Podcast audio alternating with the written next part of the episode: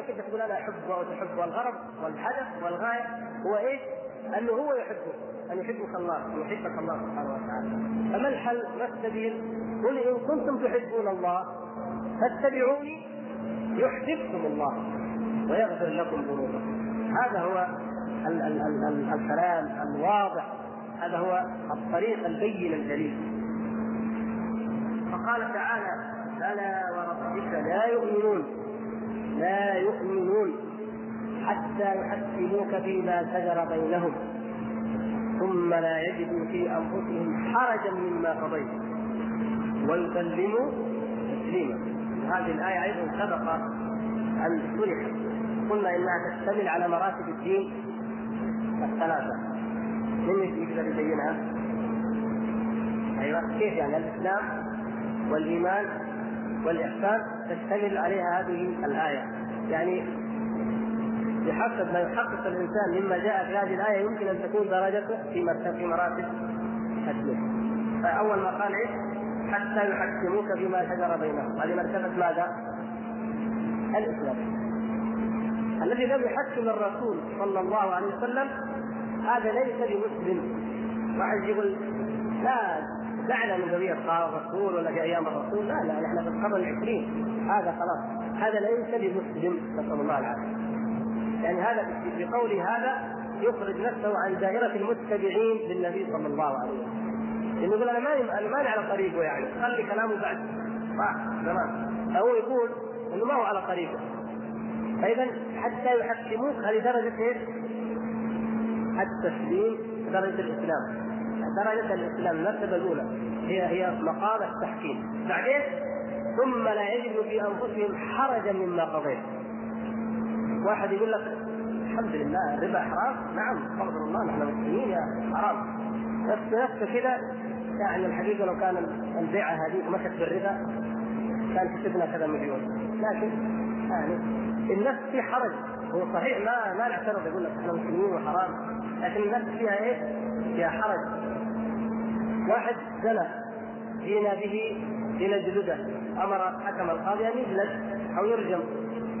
الله أمر الله صحيح يقول نعم الله تعالى أمر بالرجل بس يعني لو فكرنا يا أخي الآن العصر كذا والحب زي ما الشاي يسمى الحب كذا يعني كمان واحد مرة موت على طول رجل يعني يقول لك صحيح ما في اعتراض بس أنا في نفسي يعني حاجة. ولو ما قالها باللسان هذا إيه؟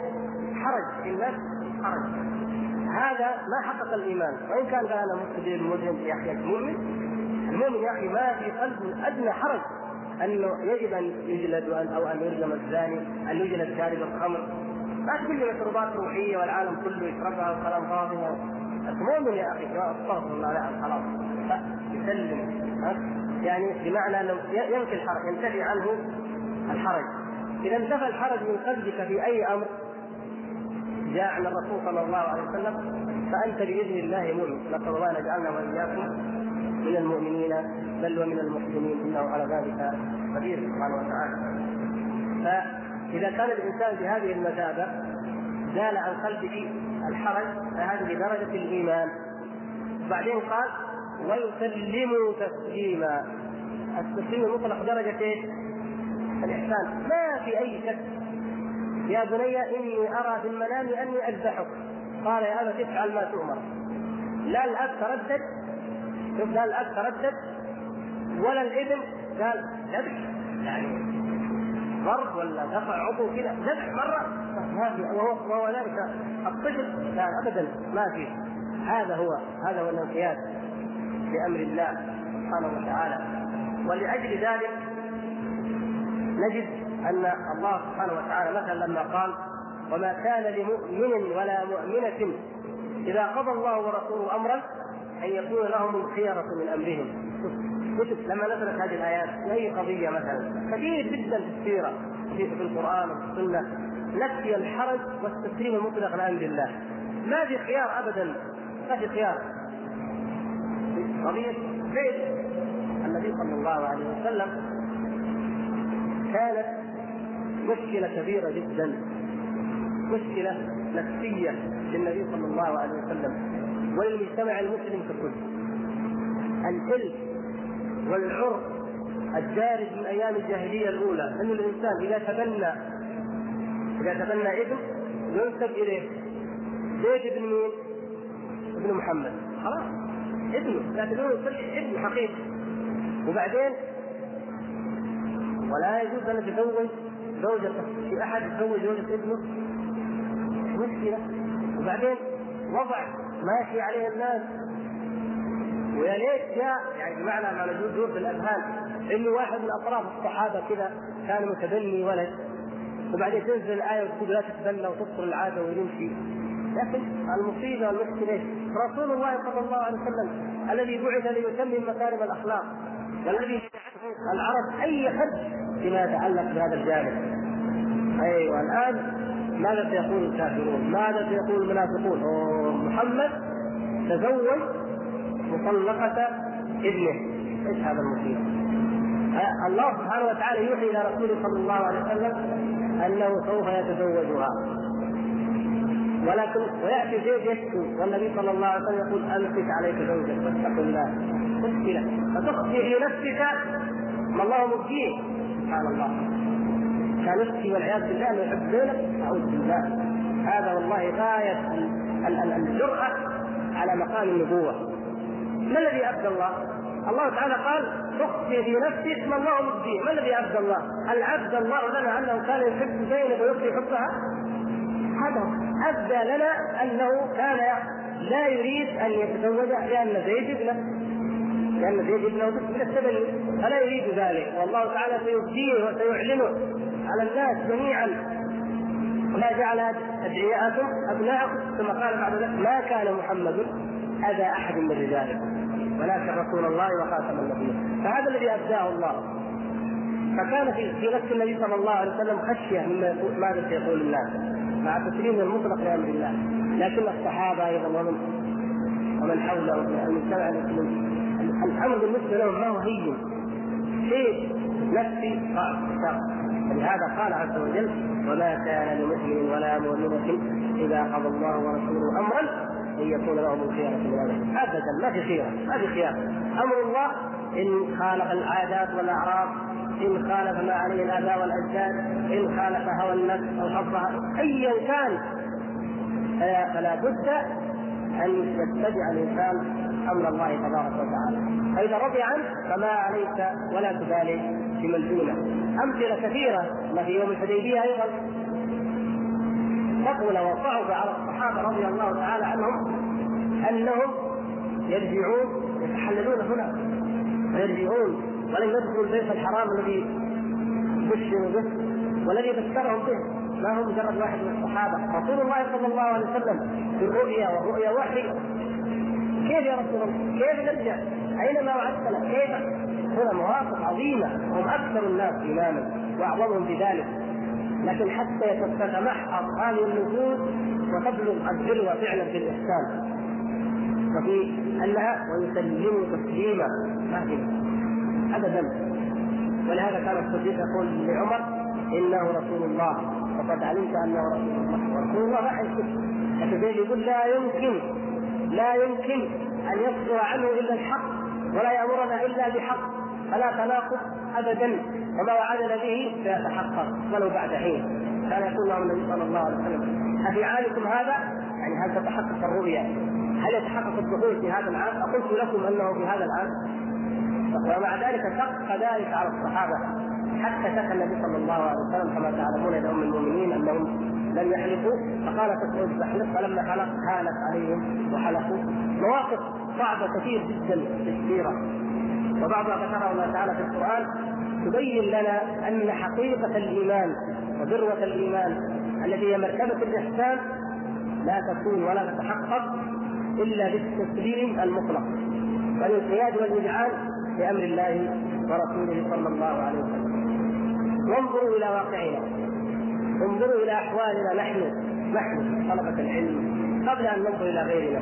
لما أن أصبح في أنفسنا من العوارض ما يجعل أمر الله تبارك وتعالى بالنسبة لنا هو على أهميته وعلى قوة الإيمان إن شاء الله وكذا والحرص لكن ليس بالدرجة التي كانت عند أصحاب النبي صلى الله عليه وسلم.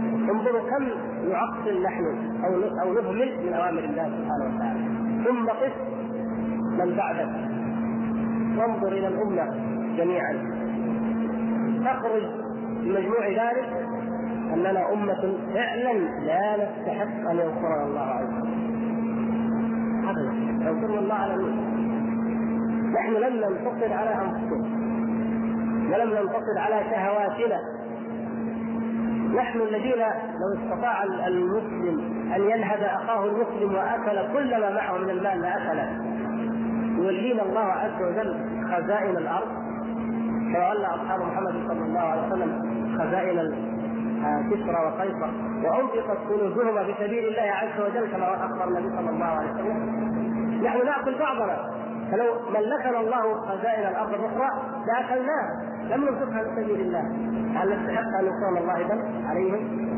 ما نستحق ولذلك لا تتخلف. لا تتخلف سنة الله ابدا. قال بعد ذلك لو عدنا إلى سياق الأحزاب مثلا الذين يبلغون رسالات الله ويخشون ولا يخشون أحدا إلا الله. إذا لم نخش أحدا إلا الله فحينئذ نكون قد وضعنا أنفسنا في درجة التأهيل لأن ينصرنا الله تبارك وتعالى. ينصرنا بما شاء بضعف مع ضعف العدد وضعف العدة. ننتصر على هذه النفس وعلى شهواتها وعلى شبهاتها ونقيم ما أمر الله تبارك وتعالى به يأتينا النصر ويأتينا الرزق ويأتينا الأمن ويأتينا الخير في جميع أمورنا. وإن لم يكن التسليم ولم يكن الانقياد والاذعان لامر الله ورسوله نقص الأمر بقدر ذلك.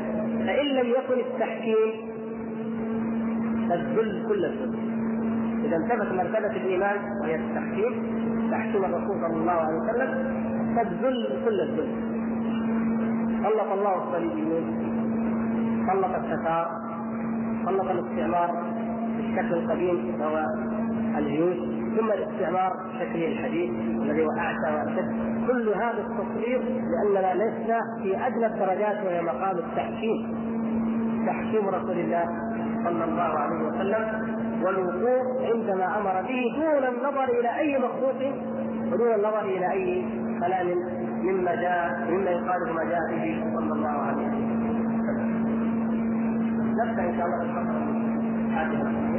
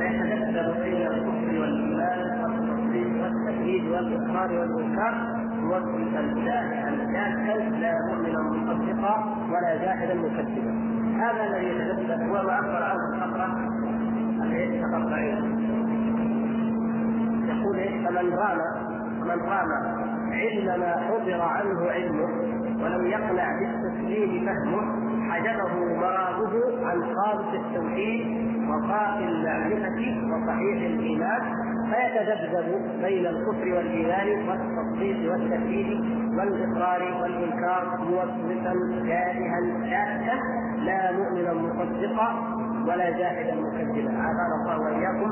ممن هذا حالة. يتذبذب يضطرب ويتردد كما قال الشارع الذي لا يرضى بأن يكون الكتاب والسنة إماما له. يتذبذب ويضطرب كما كان حال المنافقين في عهد النبي صلى الله عليه وسلم. مذبذبين بين ذلك. لا إلى هؤلاء ولا إلى هؤلاء. تذبذبت قلوبهم فهم بريبهم يترددون. وتذبذب ولاؤهم مرة مع المؤمنين ومرة مع الكافرين. إن جاء النصر للمؤمنين قالوا ألم نكن معكم؟ وإن جاء النصر للكافرين قالوا ألم نكن معكم؟ ولم نمنعكم قالوا فلم نعكم المؤمنين فهكذا مذبذبين. هؤلاء الناس المشتغلون بعلم الكلام فيهم من النفاق بقدر اشتغالهم عن كتاب الله وسنة رسوله صلى الله عليه وسلم. فهم مذبذبون. تارة مع النصر. يقول مثلا نؤمن بكذا نؤمن بالبعث وأن الأجساد هذه يعيدها الله تبارك وتعالى. هذا يؤمن به علماء الكلام. لماذا تؤمنون به؟ قالوا جاء في الكتاب والسنة. ما يسمى عندهم السمعيات السمعيات الغيبيات التي جاءت في الكتاب والسنة. قالوا هذه لا يستطيع العقل أن يصل إليها لكن العقل لا ينكرها. فنؤمن بها لأن العقل لا ينكرها ولأن الخبر الصادق أو خبر الصادق قد جاء بها فيؤمن بهذا طيب تجي في صفات الله عز وجل. ألا تؤمن بأن الله تعالى عال على مخلوقاته؟ أنه فوق المخلوقات؟ لا أولها. طيب ليش؟ انت هنا أخذت بالآيات. هنا ليش ما تأخذ بالآيات؟ لا هذه أولها وهذه ما أولها. فيتدبس قالت الجهميه لا نؤمن بأي اسم ولا صفة. المعتزلة لا. نؤمن بالأسماء ولا نؤمن بالصفات. طيب لماذا؟ هنا تؤمن وهنا لا تؤمن. الأشعرية سبع صفات مع الأسماء. غير السبع لا فلماذا هنا تؤمن وهنا لا تؤمن؟ هذا هو التذبذب يتذبذبون لا يسبقون على شيء لأنهم غير مسلمين بالكلية غير مذعنين ولا منقادين لما أنزل الله تبارك وتعالى بالكلية. فبقدر ما يكون النقص في التسليم والإذعان يكون النقص فيما يؤمنون به مما أنزل الله تبارك وتعالى. وهذه الحالة كما قال هذه الحالة وصفها الشيخ رحمه الله تعالى عن الإمام الصحاوي حال كل من عدل عن الكتاب والسنة إلى علم الكلام المسلم. هذا الأول. الذي عدل عن طريق الكتاب والسنة إلى علم الكلام. أو أراد أن يجمع بينه وبين الكتاب والسنة وعند التعارض يتأول النص ويرده إلى الرأي والآراء المختلفة فيعود أمره إلى الحيرة والضلال والسهل هناك طائفه لم تنظر مطلقا إلى إلى الكتاب والسنة. انتهجت منهج الكلام راسا. مثل ما قلنا عن زعماء المعتزلة كإبراهيم النظام وابن الهذيل العلاس وامثاله وهناك طائفه يريدون أن يجمعوا بين الكتاب والسنة من جهة وبين الآراء العقلية من جهة. وهم الأشعرية عموما. من أمثال ذلك الرازي الذي سيأتي الكلام عنه هنا والجويني. ياتون يؤمنون في مواضع بما جاء في الكتاب والسنة وفي مواضع يأخذون بالآراء الكلاميه فهما طائفتان إذا. طائفة لا تأخذ من النص ابتداء وطائفة توفق تحاول تأخذ من هنا ومن هنا. لكن عند التعارض ماذا ترجح؟ العقل وتؤول العقل هذا هو. كما قال ابن رشد الحكيم وهو من أعلم الناس بمذاهب الفلاسفة ومقالاته في كتابه التعاقد الذي قال في الإلهيات شيئا يعتز به؟ طيب قبل أن نقول نشرح عبارته لماذا عرف ابن رشد هل عرف عندكم؟ لماذا عرفه؟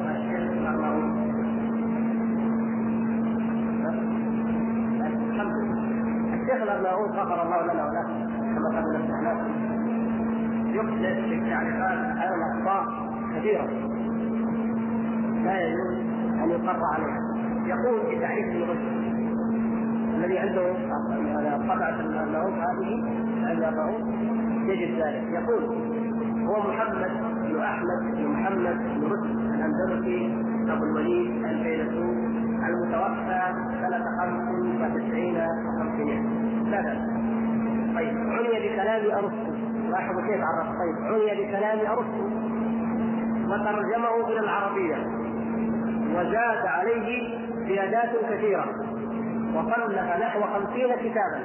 من أجود كتبه الكشف عن مناهج الأدلة في عقائد الملة. في العقيدة. تبع فيه منهج القرآن الكريم في أكثر مسائله وانتقد مدارس علم الكلام إلى آخره. الكلام هذا خطأ. الذي يقرأ ابن رشد أو يعرف منهج ابن رشد هذا الكلام خطأ. الا العبارة الأولى صح.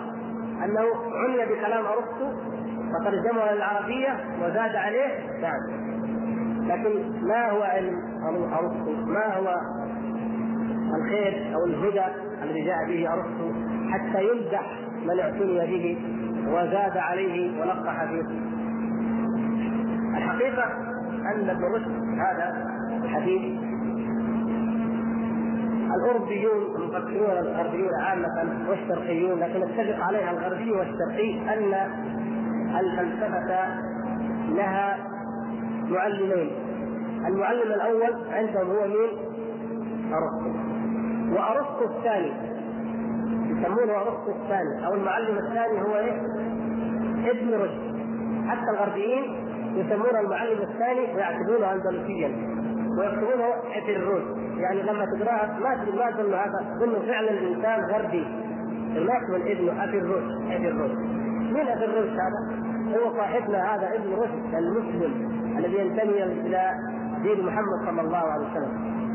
ومع ذلك فإنه فعلا الرشد يعني بعيد حتى عن إيه؟ بعيدا عن منهج الكتاب والسنة فإنه انسانا غربيا فكرا وقالبا عافانا الله وإياكم في كتبه هذه الفلسفيه هذا الرجل منهجه خطير جدا ليس كما ذكر الشيخ هنا أن منهجه هو أنه تبع منهج القرآن الكريم وانتقد مدارس علم الكلام. صحيح انتقد مدارس علم الكلام هذا صحيح. ابن رشد ينقد علم الكلام وينقد الأشعرية بالذات نقدا مرا وفي كثير منه صواب هذا صحيح. لكن هل هذا لأنه هو على الكتاب والسنة ينتقد الأشعريين أو غيرهم لذلك؟ لا. ابن رشد ملخص منهجه أن الحق يعرف من طريقين يمكن الوصول إلى الحق من طريقين لا تعارض بينهما إما طريق الوحي والنبوة أي الشريعة كما في كتاب فصل المقال فيما بين الحكمة والشريعة من الاتصال الحكمة والشريعة. الحق يعرف من طريقين كلاهما سواء ويقتلان إلى المطلوب. الطريق الأول هو طريقة الوحي الذي ينزله الله سبحانه وتعالى على الأنبياء كما أنزل القرآن وعلم السنة محمد صلى الله عليه وسلم. هذا طريق الطريق الثاني من طرق الحق التي توصل أيضا إلى الحق ولا تعارض ذلك هي طريق الفلسفة والعقل. أعظم الشرائع يقول أعظم الشرائع المنزلة على الأنبياء؟ شريعة محمد صلى الله عليه وسلم. يقول هو من ومن شابهه ما طرق العالم شريعة أفضل من شريعة محمد شريعة أفضل من شريعة محمد صلى الله عليه وسلم. هذه أفضل شريعة. طيب. وأفضل طريقة فلسفية هي طريقة من؟ أرسطو. لاحظتم كيف؟ فإذا هاتان حقيقتان. كلاهما حق. كلاهما صواب كلاهما توصل إلى المطلوب ولا تعارض بينهما. وإنما مصدر هذه الوحي ومصدر هذه العقل. وهو وينكر على الأشعرية وغيرهم أنهم يميلون إلى إلى الأخذ بالعقل بالنص وبالقرآن في بعض المواضع وينقذون به منهج الفلسفة. ويقول ما في لماذا النقد؟ الحكمة يعني الفلسفة يسمونها حكمة الحكمة والشريعة شيء واحد أو شيئان يدلان على أمر واحد ولا تعارض بينهما. هذا ملخص فكر ذلك الرجل. هو يجيب الآية نعم يجيب الآية يجيب من كلام ربه ويبين لك ان الاثنين معناها واحد مدلولها واحد. رغم ما في ذلك من الضلال الذي في كلام الإيمان الوثنيين الجهال فيقول ما جاء به القرآن والسنة إما أن يعني الحكمة جاءت به نفس الشيء أو أنها جاءتنا بشيء والقرآن والسنة جاءنا بشيء ونأخذ هذا وهذا معا الشاهد إنه هذا المنهج هو منهج ابن رشد وليس منهجه اتباع الكتاب والسنة كما ذكر الشيخ وإن كان قد انتقد مدارس علم الكلام. وهذا منهج خطير لأن الفلاسفة هم أنواع ولهم مدارس ولهم اتجاهات. فمنهم الملاحده بالمرة كابن سينا مثلا الذين يعني يسمون أصحاب التجهيل في بعض الأمور يعني يقولون إن الأنبياء يجهلون الحق الذي جاءت به الحكمة. ما ما عرفوا الأنبياء نهائيا. ومنهم هذا يدرسون مع أهل المساواة يساوون بين الأنبياء وبين الحكماء. يجعلون الطواغيت طواغيت الضلال مثل أنبياء الله سبحانه وتعالى لأن كل منهما جاء بالهدى وجاء بالحق ولا تعارض بين ما جاء به هذا وهذا. هذا هو منهج الرشد كتابه تهافت التهافت ألا ترون التهافت إيش هو التهافت هذا؟ أيوه محمد الغزالي الف كتاب اسمه إيش؟ تهافت الفلاسفه فكيف تتصورون أن يثنى على هذا؟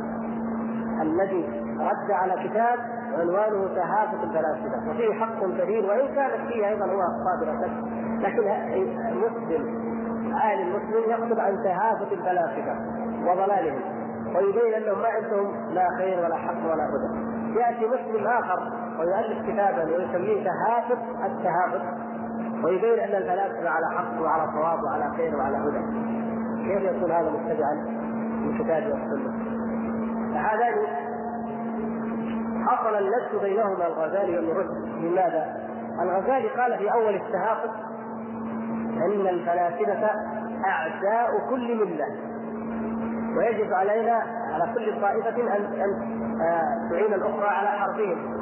ولهذا فإنني استعنت على حرفهم واستعنت في الرد عليهم بكل رأي اشعريا أو كراميا أو معتزليا أو سنيا. يقول لم ابالي لأن هؤلاء اعداء كل ملة وكل فرقة. فأخذ يحصر أي دليل للرد على الفلاسفة. لما فعل ذلك وان يكن على منهج الموثوق من الكتاب والسنة وقع في كتابه أخطاء وتناقضات.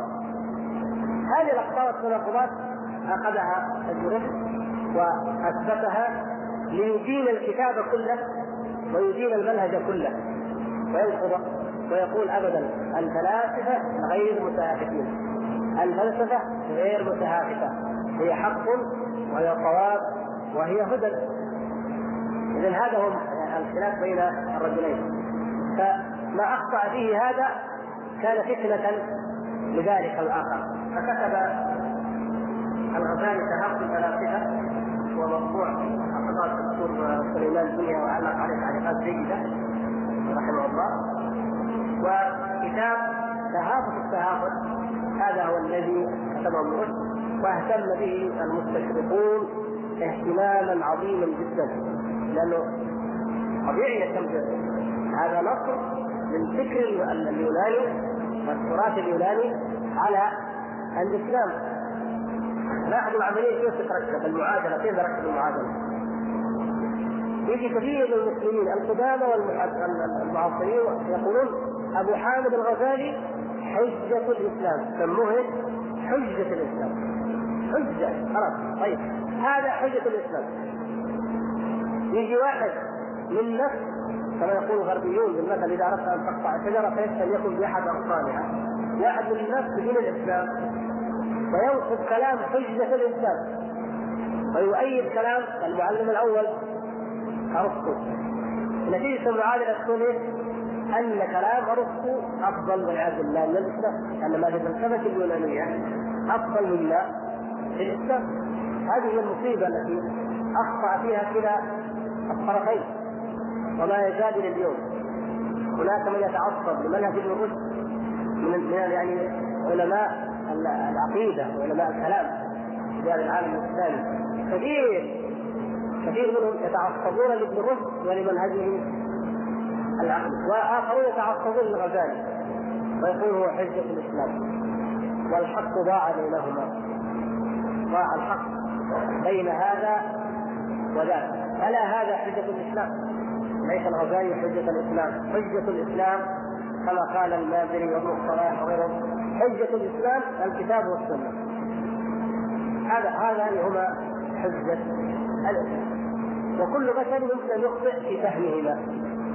وأما ذلك فليس هو المعلم الثاني إلا على اعتبار أنه معلما في الفلسفة اليونانية التي لا صلة لها بالإسلام بل هي من الوثنية ومن الشرك ومن الجاهلية التي جاءت الرسالات لمحاربتها. فلو أن الله عز وجل هذا لو أن الحق يمكن أن يوصل إليه من طريق ارسطو واتباعه لما كان لما احتاج أن يبعث النبي صلى الله عليه وسلم. أو لقال أرسلت هذا النبي بعثت هذا النبي في العرب. أما اليونان فيكفيهم حكمة ارسطو الحق واحد والطريق إليه اثنان هنا وهنا. أما الداعي أن يبعث هذا ويدعو أولئك للحق.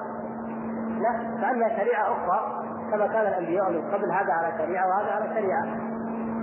ولكن ابدا لأنها شرك ووثنية وباطل عرفت أوروبا نفسها اليوم. فابتداء من العصر الحديث أنها باطل فتخلت عنها واعتبرتها شرهات وسقطات باغية ولكنها تتعصب لها إلى اليوم.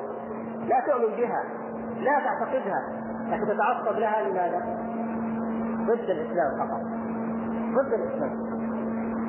تجد النصراني لا يؤمن لا يعرف الإنجيل ويمكن ما دخل كنيسة في عمره ولا حضر موعظة ولا شاف تفسير في حياته إلا كان في الصورة لكنه إذا ذكر الإسلام يحارب اشد الحرب. صليبي صليبي في عقيدته وان كان غير نصراني في التمسك بها. فكذلك أوروبا هي تركت منهج ارسطو ولم تأخذ به في نفسها ولا تعتقد في ذاتها هي. لكن عندما تريد أن تحارب الفكر الإسلامي والعقيده الصحيحة تحاربها بهذا الكلام. نعم. تؤيد من قام من المسلمين ينصر هذا الفكر. نعم. وتعظم وتبجل وتعتبر ذلك. من المفكرين ومن الرواد وامثال ذلك. فيقول هذا صاحب التهافت التهافت ومن الذي قال في الإلهيات شيئا يعتز به؟ يعني هو يقول إذا كانت الشغله إذا كان الأمر امرا براهين القطعية العقلية التي لا خلاف فيها ولا تقبل النظر فما أحد قال فيها شيئا يعتد لكن هذا الكلام طبعا كما تعلمون هذا الكلام في من؟ في الفلاسفة في أهل الكلام لكن هل فعلا ما في شيء إذا هي تعتد به؟ أعوذ بالله أن القرآن والسنة فيها الخير والهدى والنور لكن هو يشرح حال أصحابه من قال بالالهيات؟ من الذي جاء فيها بشيء يعتد به؟ هذا هو ما عندهم إلا الشك والحيرة والقلق هذا اعتراف منه بذلك وبعدين جاءت المشكلة الثانية في الآنفي حدكم عنده نفس الطبعه إذا كان ما ولا واحد حظ طيب. ما عندكم؟ طبعا الشيخ سعيد من اللي عندك؟ نفس المشكلة جاءت. قال وكذلك الآمدي يقول الشيخ سعيد هو أبو الحسن علي بن علي علينا. الذي كان اشتغل في المذهب الحنبلي ثم انتقل المذهب الشافعي. تعلم بغداد والشام انتقل القاهره إلى اخره يقول واشتهر فيها فضله في القاهرة درس فيها واشتهر فيها فضله واشتغل عليه الناس وانتفعوا به ثم حسده جماعة من فقهاء البلاد وتعصبوا عليه ونسبوه إلى فساد العقيدة وانحلال القوية فخرج مستقيا إلى حماة ومنها إلى دمشق. وتوفي بها سنة 631 إلى آخره. وبعدين جمع كتب حق من كتبه الجيدة الإحكام في أصول الأحكام طيب أين كتبه في علم الكلام؟ الترجمة هذه أيضا خطأ. ترجمته لهذا الآن خطأ نظرته إليه خطأ. ليش؟ الآن من علماء الكلام المتأخرين المتمكنين في الكلام. وله كتاب غاية المرام. في علم الكلام. مطبوع وله أيضا كتب أخرى في علم الكلام فنحن الآن لا نتكلم في أصول الفقه ولا في الفقه كما أن لم يتعرض الكتاب مثلا بدايه المجتهد في الحسن ما لنا دخل الآن نتكلم عن عن إيه؟ في مجال العقيدة ونعرف في مجال العقيدة والتعليق على كتاب عقيدة. فكان ينبغي لنا أن نعرف الإنسان بما لا يتناقض مع ما ذكره المؤلف نفسه. المؤلف كما تعلمون الشارح رحمه الله. ذكر ابن رشد وذكر آه الآمدي ومن بعدهما ليدلل لنا على أن هؤلاء المنحرفين عن المنهج الكتاب والسنة اعترفوا بالضياع. فنجي ونقول هؤلاء نشروا العلم واشتهر فضلهم وعملوا فين الضياع إذا؟ إذا نحن في حاشيته ناقضنا ما قاله الشارح ما قاله صاحب الأصل بدون دليل. الآن دي يكفي أن ترجعوا إلى لسان الميزان لتعرفوا مما قيل فيه قال أحد تلاميذه وكان يتحرى عنه أنه لما بلغ لما وصل إلى مصر وقيل أنه معروف من قبل بفساد العقيدة كلما انتقل إلى بلد يتناقل أخباره الناس.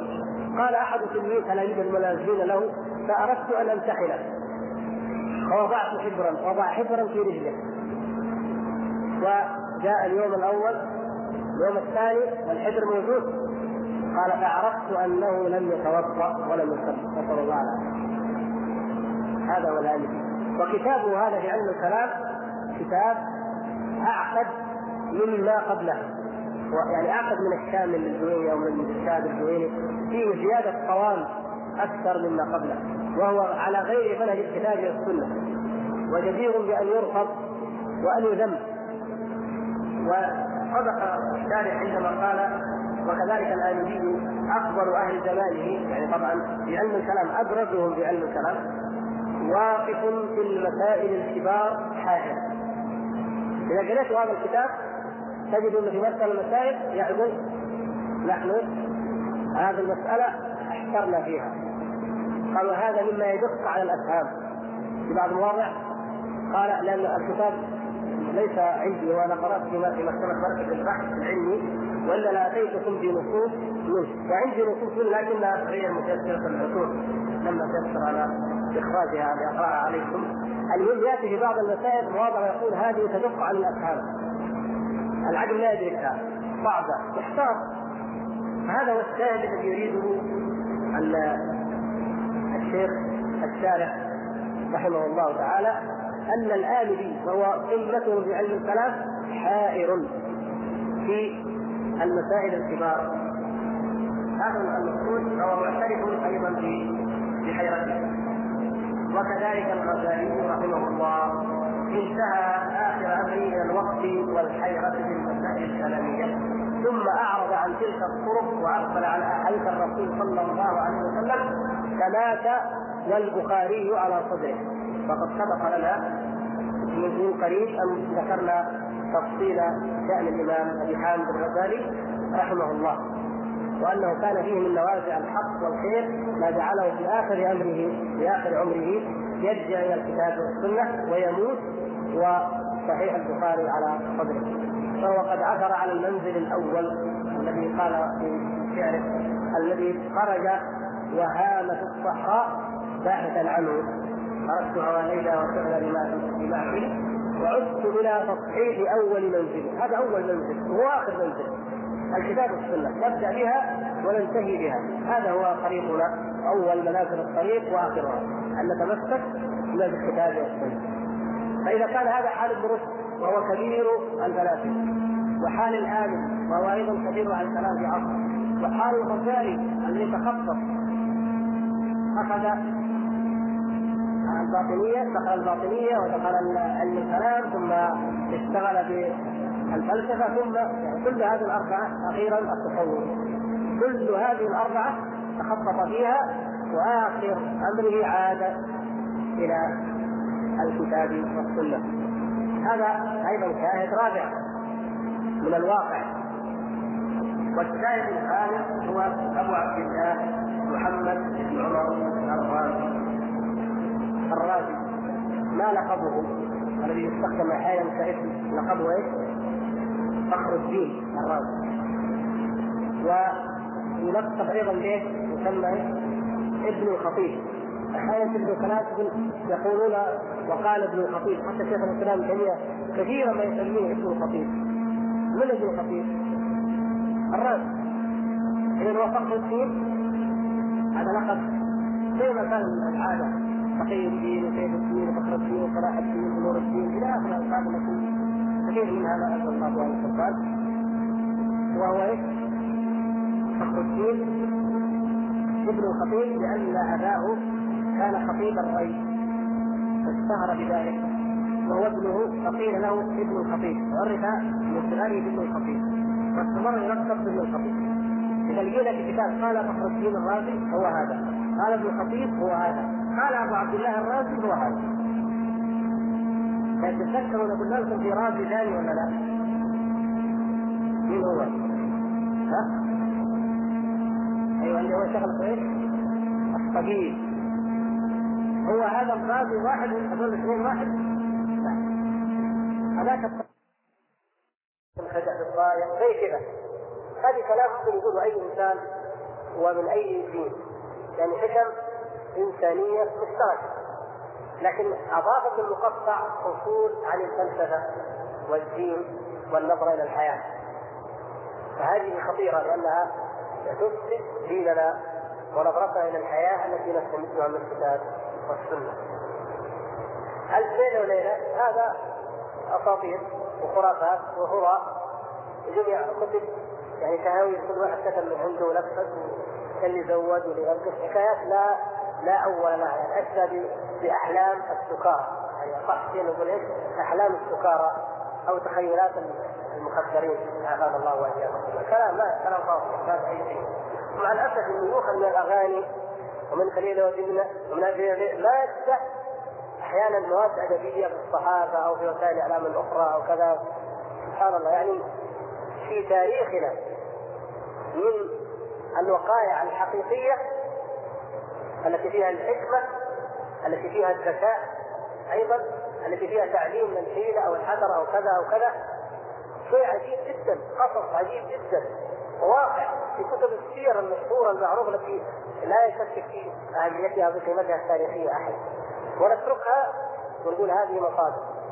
طبعا الذي الذي جعل الأغاني وألف ليلة وليلة مصادر لديننا أول من جعلها مصادر لديننا هم المستشرقون. يعني اذا اعدت لكم واحد اثنين مية المستشرقون يقول حصل من عمر كذا وفعل علي كذا وفعل الحسين كذا ويجيب الشاهد الاغاني. قضايا أخرى يقول وإن ورودها في القرآن لا يحكي الدلاله على وقوعها. وقل ورغم ان البخاري ذكر كذا إلا أن هذا لا يتفق مع المنطق والواقع يرد القرآن يرد ما في الصحيحين لكن يستشهد بماذا؟ بالاغاني لأن هذا هواه هذا الذي يريده.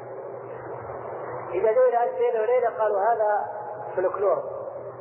هذا يصور لنا الحياة الحقيقية في المجتمع المسلم بعيدا عن الصورة المثالية التي يفترضها الإسلام والتي تكون في كتب التراجم. لو قريت كتاب الطبقات كتاب صفة الصفوة العبادة والزهد والورع والتواضع والإيثار.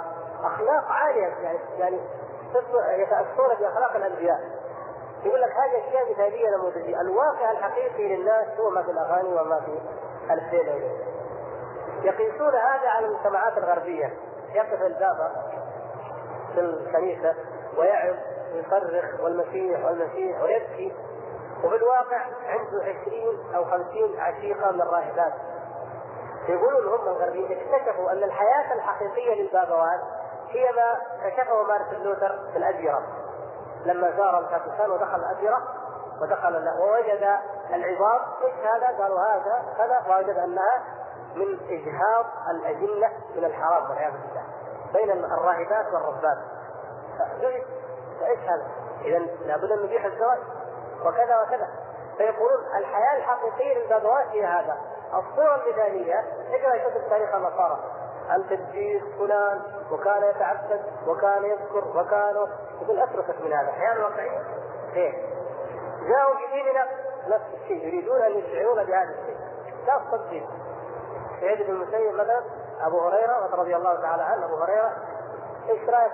في الأغاني أبو هريرة لما رأى عائشة بنت طلحه بن طلحه طلحه بن عبيد الله أحد العشره والرائي من؟ أبو هريرة. أعوذ بالله. ويقول فيها كذا ونسبنا كذا. وحتى سعيد بن المسيب كذا. وحتى الشافعي يقول له جاء واحد من مدري إيش من وقال له يعني سأله عن العشق وكذا ورد عليه الشافعي بالشعر كيف هذا الكلام؟ فيقول لك لا هذه هي الحياة الحقيقية لكن لما تقرأ عن الشافعي إنه كان يصلي في اليوم كذا وكان سبعين مسألة يخططها في الليلة وكان يصلي الفجر بوضوء العشاء كان هذا شيء مثالي تخيله المسلمون تعصبا لأئمتهم هذه هي هذا البغض الذي يريدونه. وإلا كتب متهافته متناقضة يعني زي ما قلت لكم مرة يعني مثلا من أحد القصص اللي فيها أذكر مرة هي قصة صغيرة كذا أقرأ منه زمان. أنا استغربت كذا بعدين إنه في حلاق وما أدري إيش يعني ضحكة هي المهم إنه هارون الرشيد هذا هارون الرشيد الذي كان يحج عاما ويغزو عاما وفيه من العباده وفيه من يعني سيره يعني عظيمة. يجعلونه يشتغل بالجواري وبالكلام الفاضي. يقول لجعفر رسل لنا حلاق شوف قصه ما اذكرها الآن؟ اللي أذكر إنه الحلاق يتباطى يتباطى معه. آخر شيء قالوا نحن الآن في المحرم سنة 621 هجرية. الحلاج يقول هذا بيحلقه وجعفر ينتظره. أنا فكرت هارون الرشيد. مات في القرن الثاني. كيف هذا في القرن السابع؟ 500 سنة. كيف يعني كلام لو تحطه على أي عقل من العقول لا يمكن أن يقبله. حتى الطفل الصغير فضلا عن إن أي إنسان يريد أن يقرأ. ومع ذلك هذه مراجع وهذه تصور الحياة الحقيقية وهذه نستفيد منها مادة نعمل قصص نعمل أفلام نعمل كتب نعمل روايات مستمدة ومستوحاة. من هذا الفكر وهذا الكلام. ما رأيك في الاخذ من علم ابن رشد والآلي الفقهي مع فساد عقائدهم؟ بالنسبة للفقه آه الآلي أصول فقه وأصول الفقه فيها كثير من في في كتابه هو وأمثاله من القواعد المنطقيه ومن فيها الحق والباطل هذه خذها بمنظار علماء الاصول من أهل السنة والجماعة كما ذكر شيخ الإسلام وغيره. ابن رشد في كتابه مثلا الثبات الفقهيه هو ينقل غالبا عن المذاهب نقل فيمكن أن يتخذ كمرجع لأنه يعني كناقل ينقل أو يجمع كلام الفقهاء هذا لا غبار عليه. لكن أن يؤخذ اعتقاده لا. إنما أيضا حتى الفقه ليسوا حجة يعني لا لا, لا نقول كأنهم حجة يعتمد عليها لكن لا نقول يحرم قراءة كتبهم وإنما يطلع عليها كسائر المراجع التي يرجع اليها طالب العلم ويحيل ويشير إليها. سؤال ما الفرق بين الكرامية والاشعريه والماتريديه؟ الكرامية هؤلاء المرجئه يقولون إن الإيمان هو قول اللسان وقد انقرضوا ولله الحمد ونسأل الله أن تنقرض جميع فرق الضلالة هؤلاء انقرضوا ولهم كلام في الصفات وفي القدر لا يوجد يعني موجود في الكتب لكن لا يوجدون هم اليوم الحمد لله على الحقيقة. إنما هم مرجئة ويسمون مجسمة أيضا. الأشعرية والماتريديه قد شرحناهما مرارا لكم. من هم العتره من هم الزيديه آل بيت النبي صلى الله عليه وسلم يسمونهم العتره يعني هذا البيت. يرجعون إلى كتبهم والزيدية المنتسبون إلى زيد بن علي بن الحسين. وهذا رجل صادق زيد. رحمه الله كان على منهج أهل السنة والجماعة. في وما يعرف عنه أنه ابتدع بدعة وإنما كان الذي يعرف عنه أنه خرج على حكام بني أمية. لكن الفرقة كفرقة هي معتزلة معتزلية العقيدة هم من المعتزلة فيما بعد يعني. الأخ نفسه إنه إن شاء الله تعالى سوف يلقي الشيخ حسان القاضي محاضرة في مركز المسلمين الاجتماعي، كذا يا شيخ حسان يوم الاربعاء عندك محاضره؟ طيب إن شاء الله تحضرون وتحثون إخوانكم على الحضور إن شاء الله يوم الاربعاء بعد المغرب ها؟ بعد المغرب إن شاء الله مركز المسلمين الاجتماعي شارع الأربعين شمالا شارع الأمير مسعد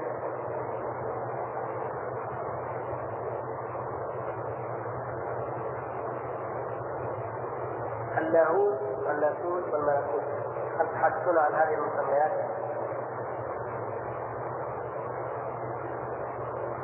هذه نسب نسب نصرانية. كما نقول مثلا نحن في اللغة العربية في النسبة نضيف الياء. قريش قرشي مثلا. مثلا الاله النسبة اليه الهي الناس مثلا الناسي أو بالنسبة للاهوت والناسوت. اصطلاح النصراني أنه اللاهوت والناسوت. يطلقون اللاهوت على الاقنوم أو العنصر الإلهي والناسوت العنصر البشري. يعني يقولون تعالى الله عن ذلك علوا إن الله يتركب من ثلاثة عناصر هؤلاء أصحاب التثبيت النصارى. ثلاثة عناصر اللاهوت والناسوت وروح القدس يعني الجزء الإلهي والجزء البشري والواسطة بينهما. يعني هذا أحد الشروح. هم نفس النصارى عاجزين تماما.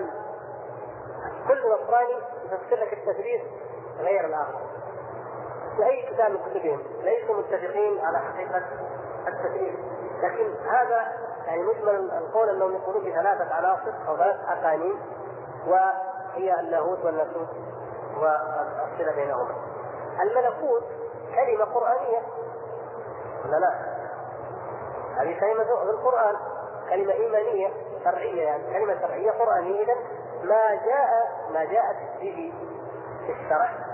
فنحن نؤمن به فسبحان من بيده ملكوت كل شيء يعني ملكه ملكه وتدبيره وتصريفه معنى واضح ما في اشكال لكن الباطنية والصوفيه يستخدمون لمعاني أخرى.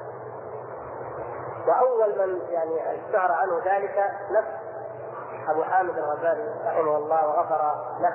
فإنه استخدم الملكوت والجبروت في معاني فلسفية ترجم معاني فلسفية يونانية وسماها هذا عالم الملكوت وهذا عالم الجبروت.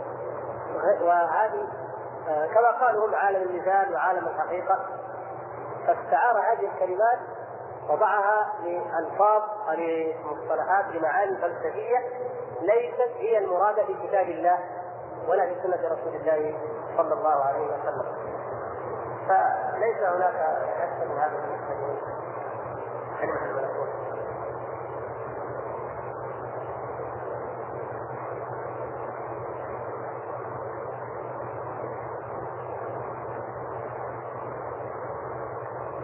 الأخ يسأل مثلا ان نبدا الحديث المفروض نقصد ما له علاقة بالجسد يقول قلت إن أهل الكلام قالوا إن الرسول صلى الله عليه وسلم علم الصحابة رضي الله عنهم علم الكلام، كيف استنبطوا ذلك؟ وكيف الرد عليه؟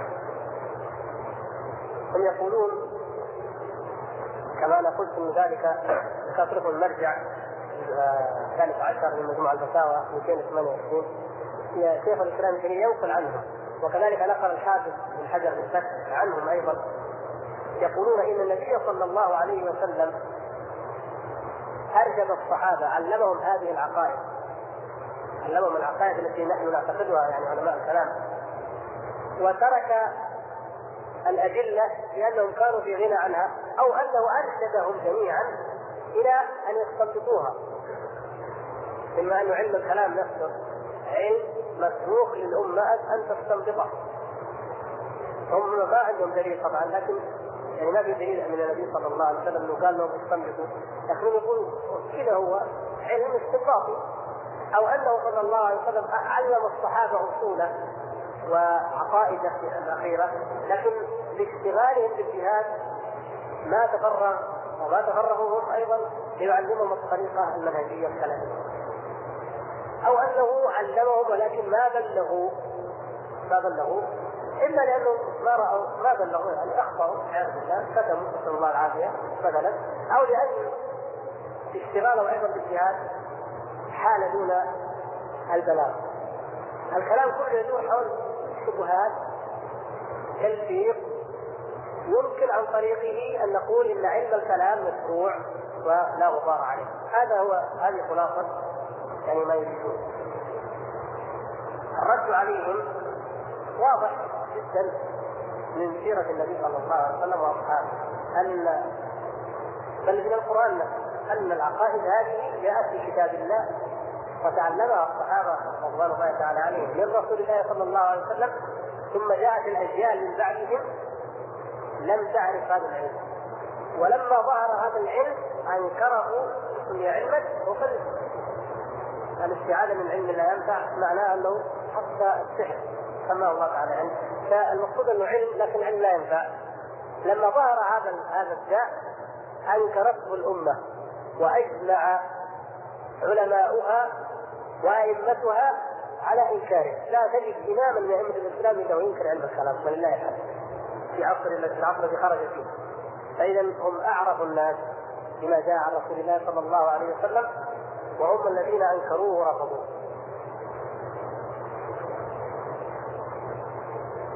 المدرسة الإصلاحية الحديثة التي زعمها الشيخين لا الشيخان. جمال الدين الأفغاني ومحمد عبده. يعني يريد الأخ إعطاء فكرة عنها. حقيقة الكتاب الذي أشرت إليه هو كتاب آه، دعوة جمال الدين الأفغاني بالميزان يعطيك التفصيل. فلا نستطيع هنا أن نوجد لأنهم يقدمون العقل على النقل وانكار الأحاديث والاحاد يعني هذه إحدى البلاوى والبلاوي والمصائب التي قالوها. وهم آه، الشيخ محمد عبده في شرح العقائد العبوديه هو يميل إلى رأي الفلاسفة يعني ليس فقط على رأي المتكلمين. زي ما تعرفوا الأشعرية يردوا على المعتزلة. المعتزلة يردوا على من؟ على الفلاسفة. الفلاسفة أخبث الطوائف الشيخ محمد عبد يميل في شرح العبودية إلى كلام الفلاسفة. ولما ترك العبودية والحواشي الأزهرية هذه واشتغل بالفكر الأوروبي وتعلم اللغة الفرنسية وأصبح يقرأ في الهدف الغربي اشتغل أيضا بالفلسفة الأوروبية وخاصة فلسفة أوغست كوت هذا فيلسوف فرنسي من أكبر الفلاسفة الفرنسيين الذي وضع الفلسفة الوضعية تسمى الفلسفة الوضعية. المقصود أن الشيخ محمد عبده من اصل منهجه الانحراف الخطير والذي قرر ذلك بالنسبة للعقائد العبودية أنا قرأت الكلام بنفسي لكن احيلكم إلى المرجع الذي دلني على ما في العقائد. هو آه الشيخ الدكتور سليمان دنيا رحمة الله عليه توفي في العام الماضي أو في أول هذا العام تقريبا وهو آه، أستاذ الدراسات العليا كان في مكة وهو من أعلم الناس بالفلسفه ربما لا يوجد في هذا العصر لم يوجد في هذا العصر من هو أعلم بالفلسفة من هذا الرجل. والعجيب وأنا أقول هذا الكلام لتعلموه أن هذا الرجل رغم أنه كتب في الفلسفة كثيرا وحقق من كتبها حتى الرسالة الوقفوية لنفي المعاد الوجوديه حققها. في الأخير هو نفسه تراجع عن الفلسفة كلها وقال ما وجدت كابن تيمية في هذا المثال ويقول والله يا ابني كل ما أقرأ الانسان هذه الإخوان كان عدد من الإخوان الطلاب. ولكن كنا في بيته وهو مريض. يقول ما وجدت هذا الرجل كل ما أقرأ عن منهج السلف كما يفسره ويصوره ابن تيمية أتأسف فعلا على ما مضى مني وأعلم أن هذا هو الحق. فأنا قلت يا شيخ كما تعلم علماء الكلام من قديم يرجعون عند الموت عند آخر العمر فسبحان الله أنت كأنك مثلهم فما رأيك أن تكتب لأن هذا الكلام يا شيخ؟ أنا أنقله عنك إن شاء الله والأخوان لكن لو تكتب هذا فقال إن شاء الله وأنا كتبت أنا الآن تعبان. لكن أنا كتبت وأعطيته لناشر اللبناني ولكن يبدو أنه فقد يعني مع الحرب أو كذا ضاعت. ولكن لعل أن يكون وجد وان وجد إن شاء الله فسوف يخرج وأوصى ابنه انه يحاول أن يبحث عنه وأن يخرجه. يعني هذا الرجل لو تقرؤون له تقول عجب العجاب في هذه المناسبه الدكتور سليمان دنيا. عجب. في الفلسفة وفي التعمق فيها. وكان الغربيون يعظمونه تعظيما شديدا في أول الأمر. ولما أخذ يميل في آخر ايامه إلى الإسلام وكان يدرس فلسفة في أمريكا اعجموا عنه حتى اهمل نهائيا ولما توفي لم ينكر عنه ولم يذكر عنه أي شيء وكأنه رجل مغمور بينما هو أكبر الفلاسفة الملاحدة الموجودين اليوم مثل زكي نجيب محمود كمثال هذا أكبر الملاحده الوضعيين مثل فؤاد زكريا. رد عليهم بردود عجيبة مفعمه وهو يكشف كل يعني فكره وينقده ما أحد كتب عنه مع الأسف. لا هنا ولا هناك. هذه مشكلة أن يظلم الدعاء دائما وأن يشهر بدعاة الضلالة والبدع والسنة هذا ماذا يقصدون في مصطلحاتهم؟ الجوهر العرض وما شاكلها. شرحنا ذلك في الدرس الماضي. قلنا إن هذه المصطلحات وكلمات يعني يوجد الثالث انها كلمات مصطلحات فلسفيه يونانية. وكل منهم يفهمها بفهم خاص. حتى اليونان الفلاسفه كل منهم يفهمها بفهم يختلف عن الآخر ولهذا قلنا لا حجية لها بل نستفصل عن معناها ونحاكم هذا المعنى إلى الكتاب والسنة، واحد يقول هذا جوهر، واحد يقول هذا لا، هذا عرض. إيش درانا؟ كلام كل واحد منهم يرى أنه على الحق. الذي يهمنا من هذه المصطلحات أننا نعرف انها جميعا مصطلحات بدعية غير شرعيه ولا إسلامية. ومن استخدمها من المسلمين يقول يا أخي تعال ماذا تريد بهذا المعنى؟ ماذا تريد بهذا المصطلح؟ فإن قال حقا قلنا له أصبت بالمعنى وأخطأت بالمصطلح وإن قال باطلا رددنا لفظا ومعنى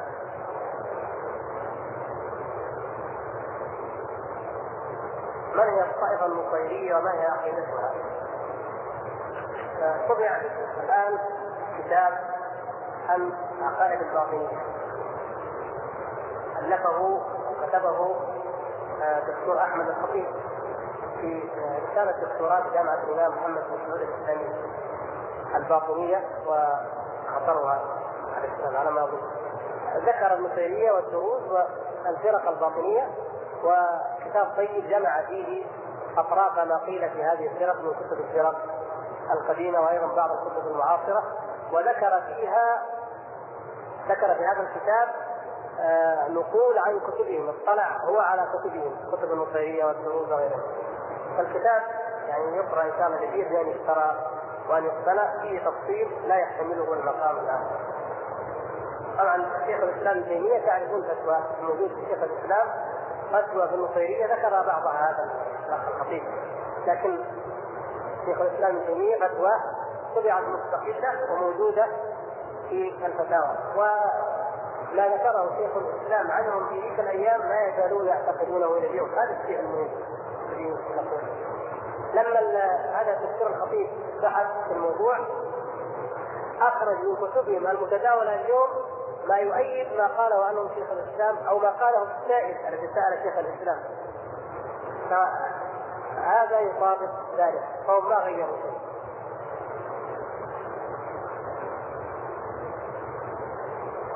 الاخ يقول لماذا تكرر ذكر القصص أو القصص الأنبياء في القرآن الكريم؟ وما هو أفضل كتاب في مثل هذه المسائل. الله تعالى يقول لقد كان في قصصهم عبرة عبرة. والعبرة تتكرر وأكثر من كرر الله تبارك وتعالى قصته في القرآن هو نبي الله موسى مع فرعون فلو تلاحظوا المسألة ما هي تكرار كلام لا والله. ما يفعله الخطيب أو المؤلف الذي لديه علم فكيف كلام الله عز وجل الذي تحدى الجن والإنس أن يأتوا بمثله؟ في كل موضع تأتي العبر أو جوانب من العبر بما يناسب الموضع المراد للإنسان لأن جوانب كثيرة في حياته. جوانب كثيرة في في فيما جرى بين موسى عليه السلام وبين فرعون.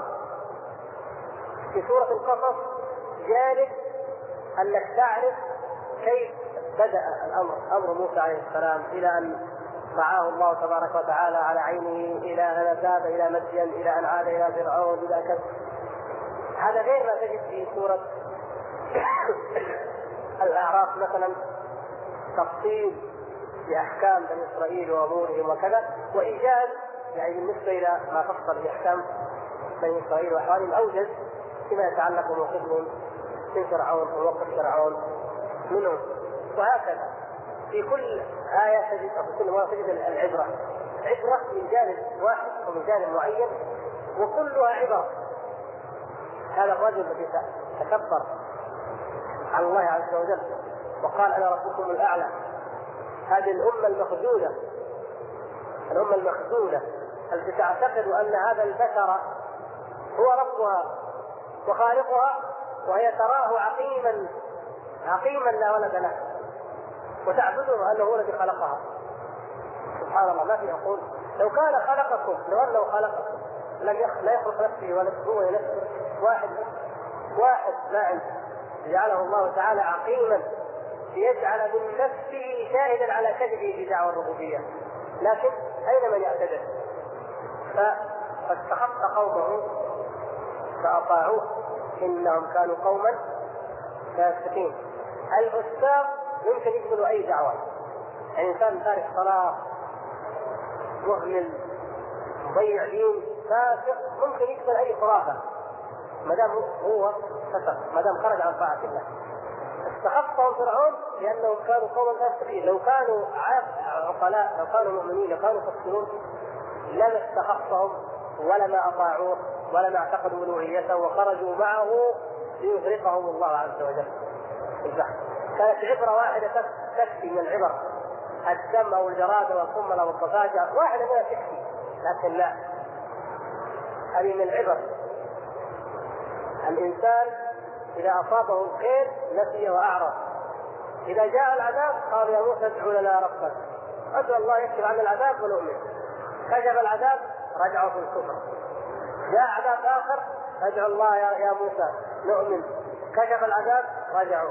سبحان الله هكذا حال الإنسان جميع البشر إلا من رحم الله. ولهذا في هذه العبرة.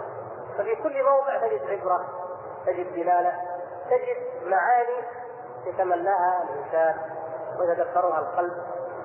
وإن كانت قد لا توجد قد لا يعبر عنها في كتب التفسير لكن أنت تستشعرها بما أعطاك الله سبحانه وتعالى بقدر ما يكون لديك يعني مسألة في كتاب الله عز وجل.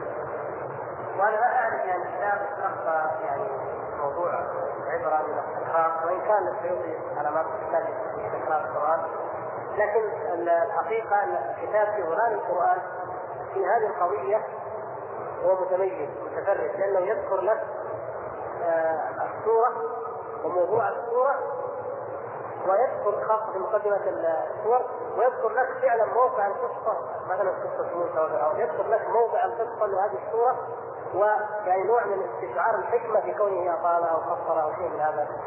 فهو مما يعين على ذلك إن شاء الله.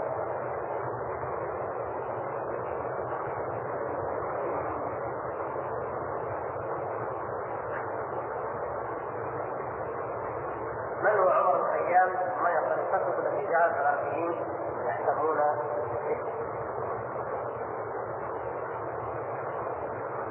مصر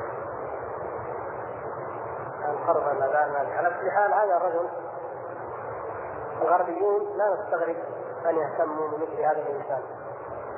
شاعر والشعراء يتبعهم الغاوون. كما ذكر الله عز وجل الا الذين آمنوا وعملوا الصالحات هو من جنس ما تحدثنا عنه عند الكلام عن الأغاني أو الف ليله وليله لعلنا إن شاء الله في الدرس القادم نحتاج إليه بسط كتاب صلى الله عليه وسلم.